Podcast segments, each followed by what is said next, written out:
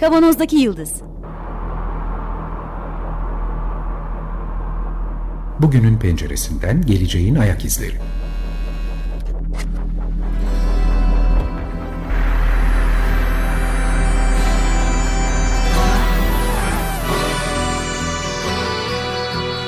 Hazırlayan ve sunanlar İsmail Başöz, Haluk Levent, Mustafa Yılmazer ve Fethiye Ergin. Zorlu Holding Sürdürülebilirlik Platformu Akıllı Hayat 2030, herkes için daha yaşanabilir bir dünya diler. Merhabalar, Açık Radyo'dayız. 95.0 Kavanoz'daki Yıldız programında sizlerle beraberiz. Geleceğin ayak izlerini sürmeye devam ediyoruz. 2020 yılının teknolojik gelişmelerinden e, bugün bir küçük toparlama yapalım diye konuştuk. Madem yılın son programını yapıyoruz. Evet bu senenin teknolojisindeki en önemli gelişmeyi biz şu anda kayıt e, tekniğimizde görüyoruz zaten. bu seneye damgasını vuran ve muhtemelen önümüzdeki yıllara da artık damgasını vuracak olan online haberleşme sistemlerinin artık iyice kullanımının artması, birçok açıdan da tekniğinin özelliklerinin gelişmesi ve sadece eğitimde değil, her hemen hemen her alanda artık bunun kullanılıyor olması herhalde 2020 yılına en çok damgasını vuran teknolojik durum. Yeni bir olay değil ama bu kadar büyük kullanıma geçmesi. Fethiye, senle programlarda yaptık. Eğitimde en çok kullanımı var. Ama Mustafa e, ben ben söylemek istiyorum önce. Mustafa sen Yok. Biz dört kişiyiz. Ben, Haluk, Fethiye. Tamam.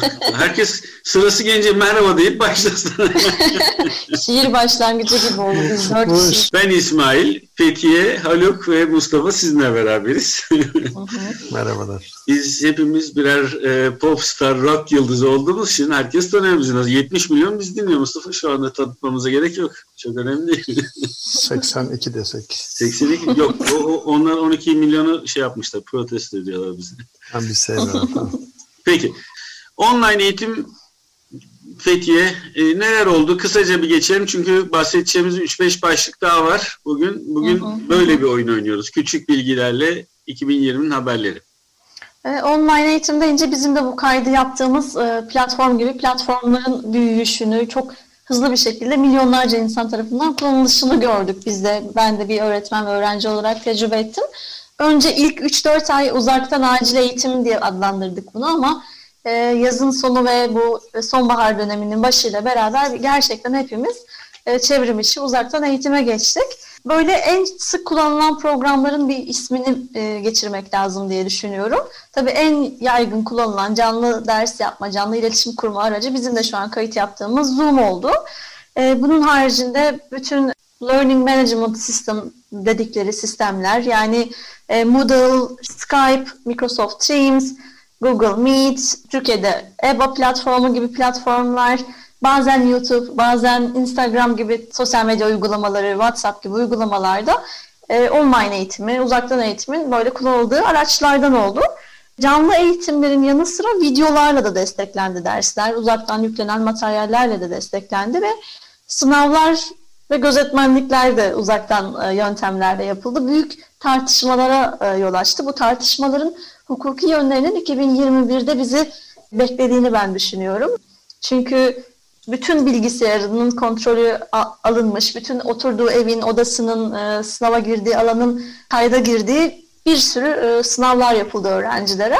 Bunun böyle bazı e, haklarının ihlal edildiğini, yasaya e, uygun olmadığını e, savunan öğrenciler var.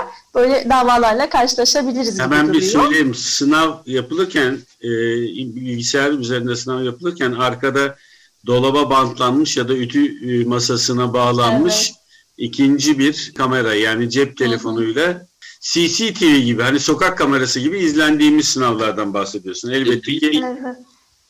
Bilkent ayna gönderdi bütün öğrenciler. Bu hafta o konuşuldu çok. Ayna, ayna. Evet. Yeni bir Arkaya koyuyorlar, yansıyor. Bu, bu sayede bilgisayarda ne yaptıklarını Aa, kayda çok, alabiliyorlar. çok yeni bir teknoloji kullanmışlar. evet. Etkin çözüm ama. Çok evet evet. Ucuz. Pratik. E, Teknolojinin halka yayılması, ucuz olması vesaire evet.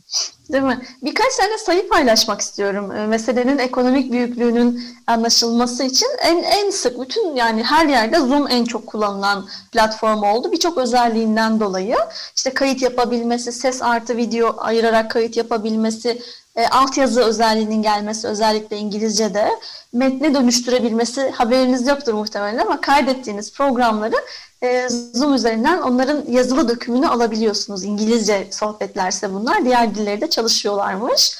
Ortak çalışma e, özelliği olmasıyla Zoom en çok kullanılan platform oldu. Aralık 2019'da günlük en çok kullanıcı sayısı 10 milyonken Mart 2020'de pandeminin başlarında 200 milyona çıkmış. Nisan 2020'de 300 milyona çıkmış. Artık bu kaydı yaptığımız aralığın sonunda herhalde 500 milyonu bulmuştur günlük kullanıcı sayısı. 2018'deki geliri... Biz dahiliz değil mi buna? Evet, artı 4. 500 milyon artı 4. 2018'deki şirketin e, geliri 121.5 milyar dolarken 2022'de 2020'de 622.7 milyar dolara ulaşmış. Ne kadar e, kıymetlendiğini, ne kadar önemli bir yatırım olduğunu görebiliyorsunuz. Dünyadaki evet. yaklaşık 12 ya da 7 milyar diyelim 14 kişiden biri Zoom kullanıyor. Yani çok büyük çok büyük çarpıcı. Gerçekten. Kesinlikle. Yani dünyanın internet ulaşımı yarı yarıya falan galiba tam rakamları bilmiyorum ama hı hı. yani interneti olanların daha aslında çok daha yüksek bir oranı. Zoom Doğru. kullanıyor demektir. Doğru. Bir tek benim babam kaldı Zoom'a girmeyen gerçekten. Annemi falan öğrettik ama bir babam kaldı yani. Belki o Meet kullanıyordur. evet. Ee, şöyle geçebilirim belki bir iki dakikam daha varsa. Ne için kullanıldı o online platformlar eğitimin haricinde? Sosyal buluşmalar, işte düğünler, nişanlar, belki cenazeler, mevlitler haberlerde görmüşsünüzdür, kutlamalar, aile yemekleri. Bu da bize şunu gösteriyor. Pandemiden sonra da bu platformları kullanmaya devam edeceğiz. Pandemiden önce nasıl kullanıyorsak çok artarak kullanmaya devam edeceğiz. Zamandan, mekandan bağımsız buluşabiliyoruz çünkü. Fakat ben özellikle çocuklar özelinde şunu söylemek isterim. Sonuçlarını bilmiyoruz. Bu kadar uzun süre ekran başında çocukların maruz kalmasının, bilgiye ve ekranın başında kalmasının hareketsizlik, ekran bağımlılığı, dikkat sorunları, obezite, göz sağlığı problemleri, ondan sonra ifadeleri, duygusal ifadeleri okuyamama ve zoom yorgunluğu denen bir şey, bir fenomen geçti kayda. Bunların sonuçlarını, bunların etkilerini belki hissediyoruz şu anda ama 2021'de sanıyorum araştırmalarla da okumaya başlayacağız. Japon pla plaza çalışanlarında yaygın olan e, çalışma tükenmişliği hı hı. E, ve bu yüzden çok fazla intihar olduğuna dair haberler alırdık. O zaman online eğitim, online iletişim bu kadar yaygın değildi. Demek ki her dönemin kendi tükenmişliği var. Doğru. doğru. Evet. Bilgisayar... Pazartesi sendromları hep olmuştur. Evet. Yani iş Pazar sendromu, cumartesi sendromu da olmaya başladı. Biz bu online hayata geçtiğimizden beri cumartesi, pazar, gece gündüz farkı kalmadı. Ben bugün e, 8.30'da oturdum şu an oturduğum masanın başına, e, ekranın karşısına. Şu an saatlerimiz 23.41. Hala buradayım. Siz onu hesap edin. Sadece bir, acil ihtiyaç molası verdim. ben bir ben bir reklam yapacağım. Yazarı çok yakın tanıdığım olduğu için e, normalde e, tiyatroya gidip Das Das'ta izleyebileceğimiz bir oyunu West End isimli tiyatro oyununu mesela dün akşam online işte biz kaydı yaptığımızdan iki gün önce şey bu programı dinlediğinizden iki gün önce oluyor. E, online olarak canlı olarak sundular. E, işin o kısımda gelişiyor tabii yani. Doğru.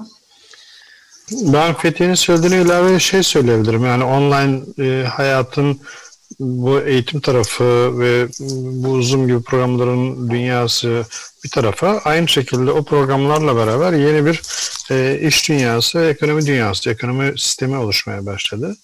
Benim şahit olduğum bir şey artık normal yüz yüze olan toplantıların farklı şirketler arasındaki hemen hemen hepsinin uygulaması online toplantılara dönüştü veya şeylerle GoPro kameralarla daha ziyaretleri olmaya başladı. GoPro kamera bu, bu kafa üstü kameralar vardır motosikletçilerin falan bisikletçilerin falan kaskların üstüne taktığı. Bu tür kameralarla entegre teknik görüşmeler, ziyaretler falan olmaya başladı. Ve özellikle böyle fuar gibi, kongre gibi, sempozyum gibi organizasyonların hemen hemen hepsi, hemen hemen %99'dur herhalde, e, online'a döndü. Artık şeyler ve ücretsiz de döndü. Bu ayrısında aynı zamanda yeni bir ekonomik model olarak da var. Bir başka konuda e, hani hepimizin bildiği restoranların durumu şu anda. Kafe restoranların, lokantaların durumu. Onların hepsi şu anda yeni bir iş modeli olarak şunu yapıyorlar. Bir restoran açıyorsun ama sadece mutfaktan ve kurye servisinden oluşuyor. Başka hiçbir şeyden değil. Masa sandalye yok ve bu bir, bir baraka olabilir, bir kamyonetin içi de olabilir. Yani presentable olmasına gerek yok, şık masaların olmasına gerek yok, nazik garsonların olmasına gerek yok. Sadece böyle ağır sanayi bir mutfak olsun, e, çok hızlı servis şey yapsın, sipariş alsın ve teslimat yapsın. Bunun şeyi var, bunları nasıl aşıların eğitimlerini düzenlemeye başladılar. Nasıl online lokantacılık yapılır? E, önemli bir şey, çok önemli bir detay. E, iş dünyasının buluşma alanları fuarlardı. Fuarlar tamamen iptal oldu. Bu da online'a döndü. Artık şey, insanlar nasıl online sisteme etkin hale getiririz diye falan şey yapıyorlar, uğraşıyorlar. İşte webinarlar düzenliyorlar vesaire.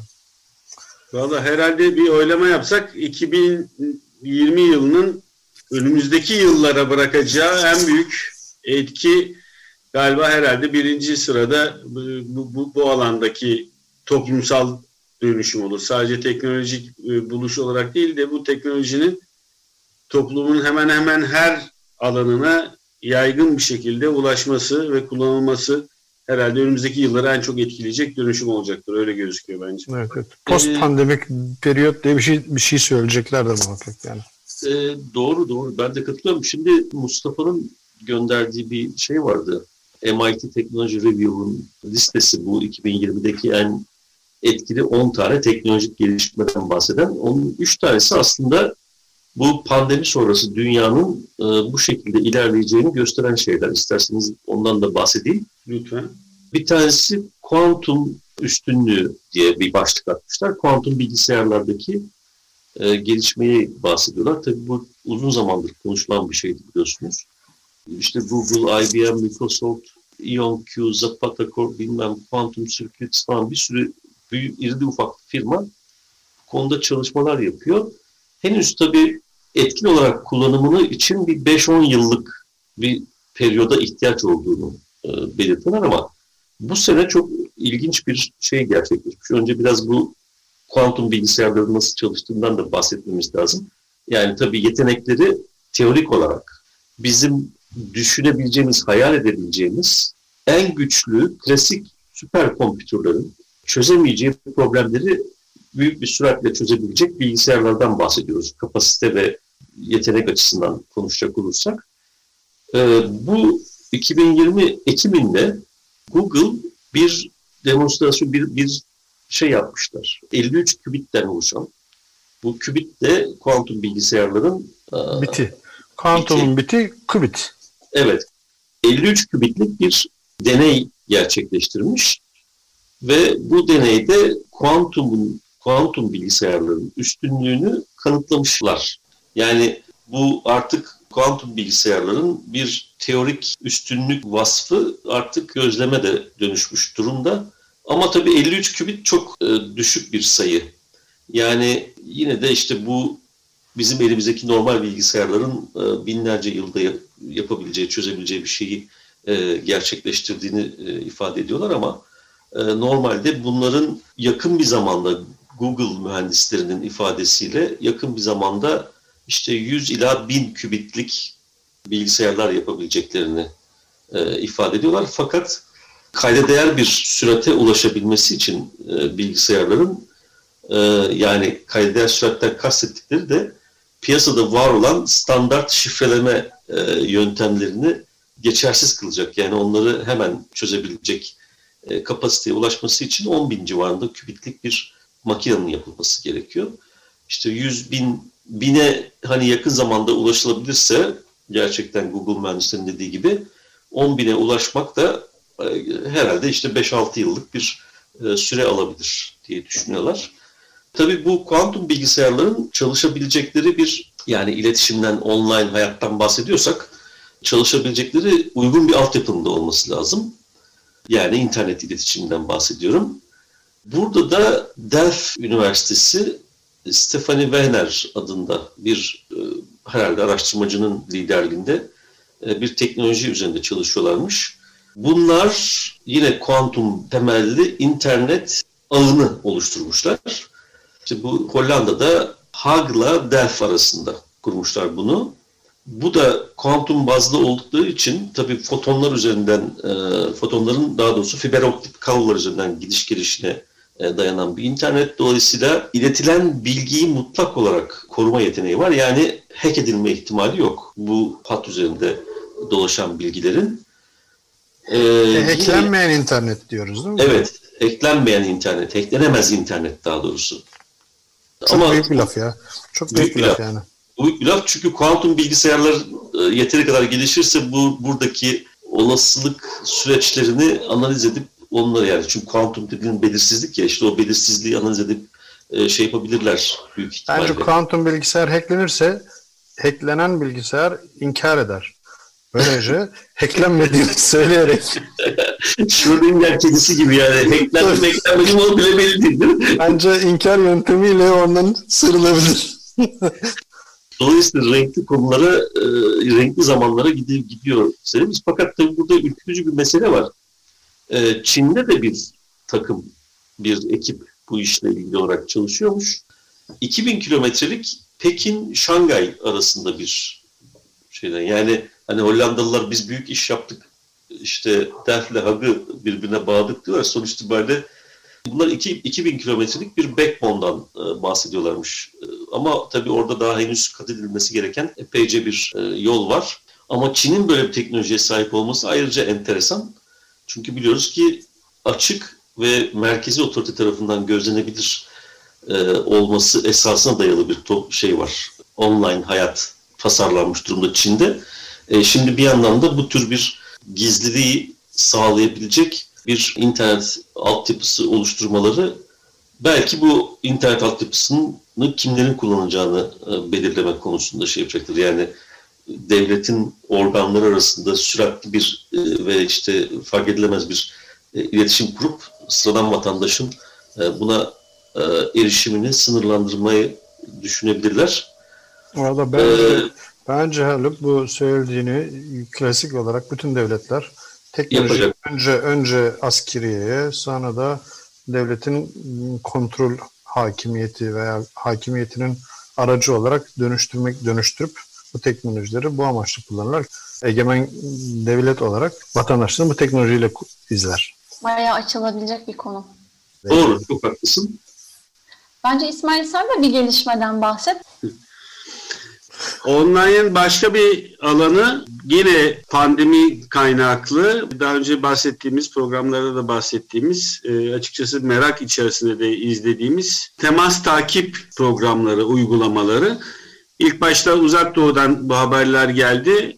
Elbette Çin, Hong Kong, e, Tayvan, Kore ama en başarılı uygulamanın Singapur'da olduğunu okuduk, söyledik, anlattık. Büyük metiyeler düzüldü. Ama şimdi yıl sonunda gelen haberlere göre hiç de öyle beklenen başarıya ulaşılmadığı ortaya çıktı. Bu programı telefonlara yükleyip pandeminin yayılmasında kontrol ve izleme yapmak amaçlıydı. Açıkçası biz bile, ben bile heyecanlanmıştım. Fakat e, hiç de dediğiniz gibi beklenen sonuçları olmadı. Beklenen %65-85 bir yükleme yani popülasyonun halkın yüzde 65'i ya da 85'i arasında bir yükleme olacağı tahmin edilirken Almanya'da yüzde 21'de kalmış, İtalya yüzde 14, e, Fransa halkının yüzde 8'i sadece bu programı yüklemiş.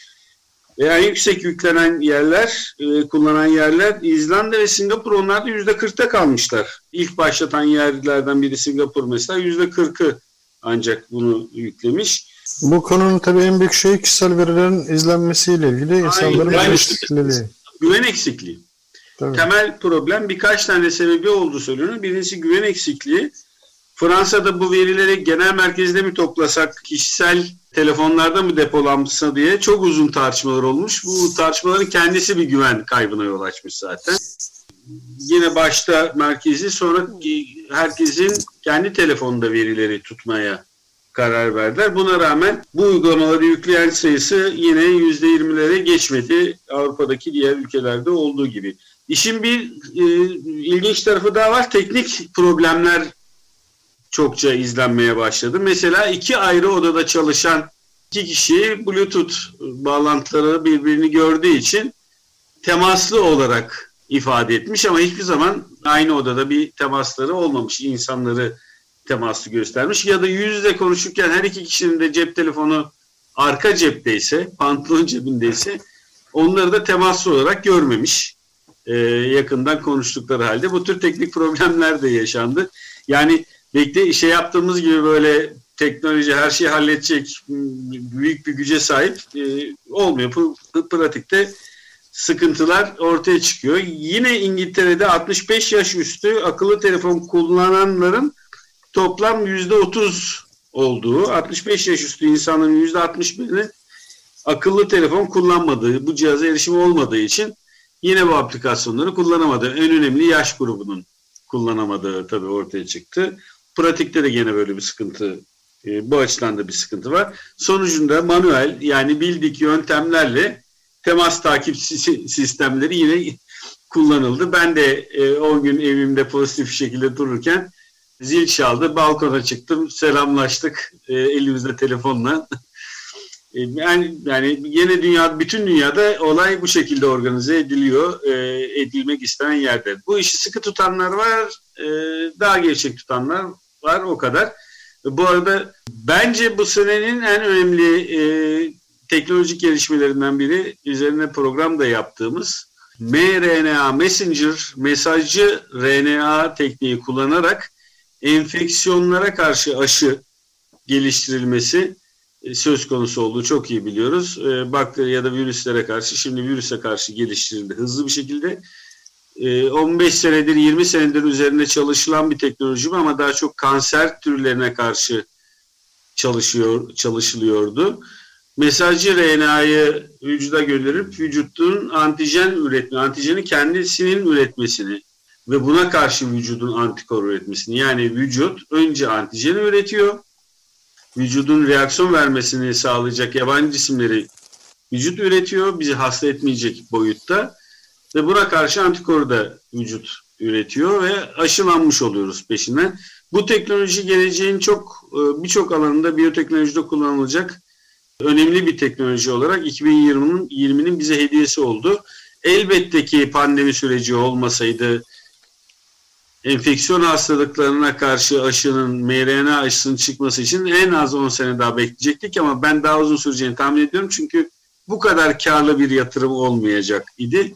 Bu yüzden de e, bu kadar kar getirmeyeceği için üstüne bu kadar da durulmayacaktı. Kanser tedavisi daha karlı göründüğü için daha çok onun üzerine çalışıyordu sevgili şirketler. Söz. Süre, süremiz varsa ben bir şeyler eklerim. Bir de e, biraz da enerji konusundan bahsedelim o zaman. E, programımızın isminin de kaynağı olan kavanozdaki yıldız aslında bir kavanoz maddeyle sonsuz enerjinin tüm insanlara sunulabileceği fikri üzerine bir isim de biliyorsunuz. Bununla ilgili önemli bir haber var. Çin füzyon mühendisliğinde bir reaktörü ilk defa devreye aldı ve test amaçlı çalıştırmaya başladı.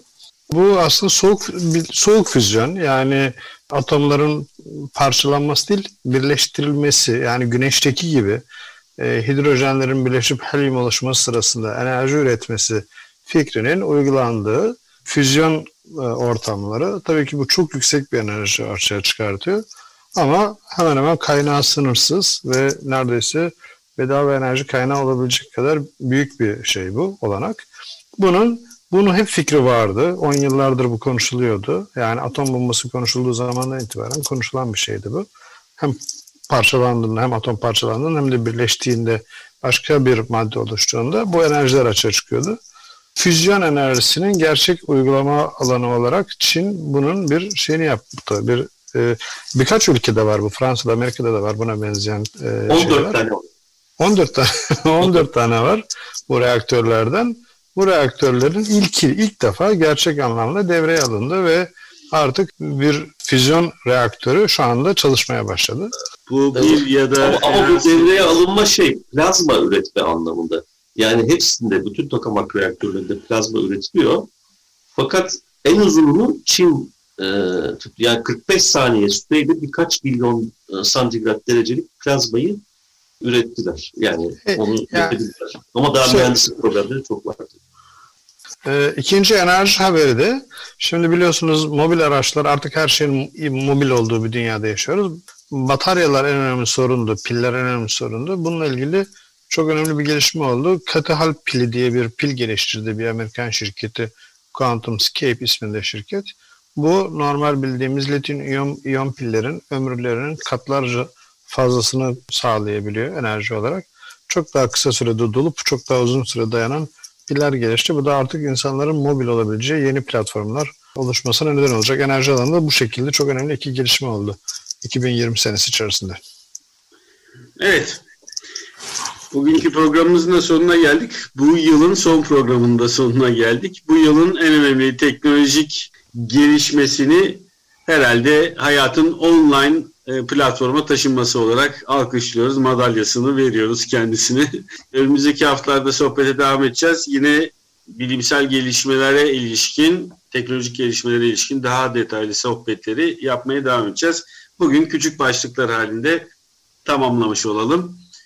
Bu programı size ulaşmasını sağlayan bütün arkadaşlara çok çok teşekkürler ediyoruz.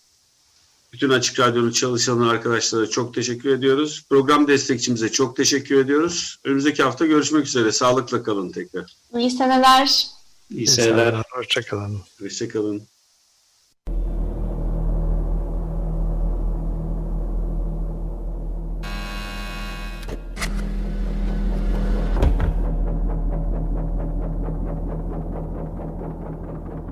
Kavanozdaki Yıldız Bugünün penceresinden geleceğin ayak izleri.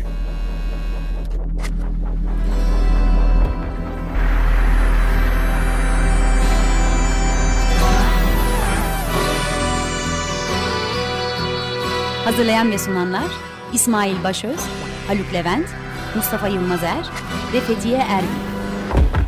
Zorlu Holding Sürdürülebilirlik Platformu Akıllı Hayat 2030 sundu.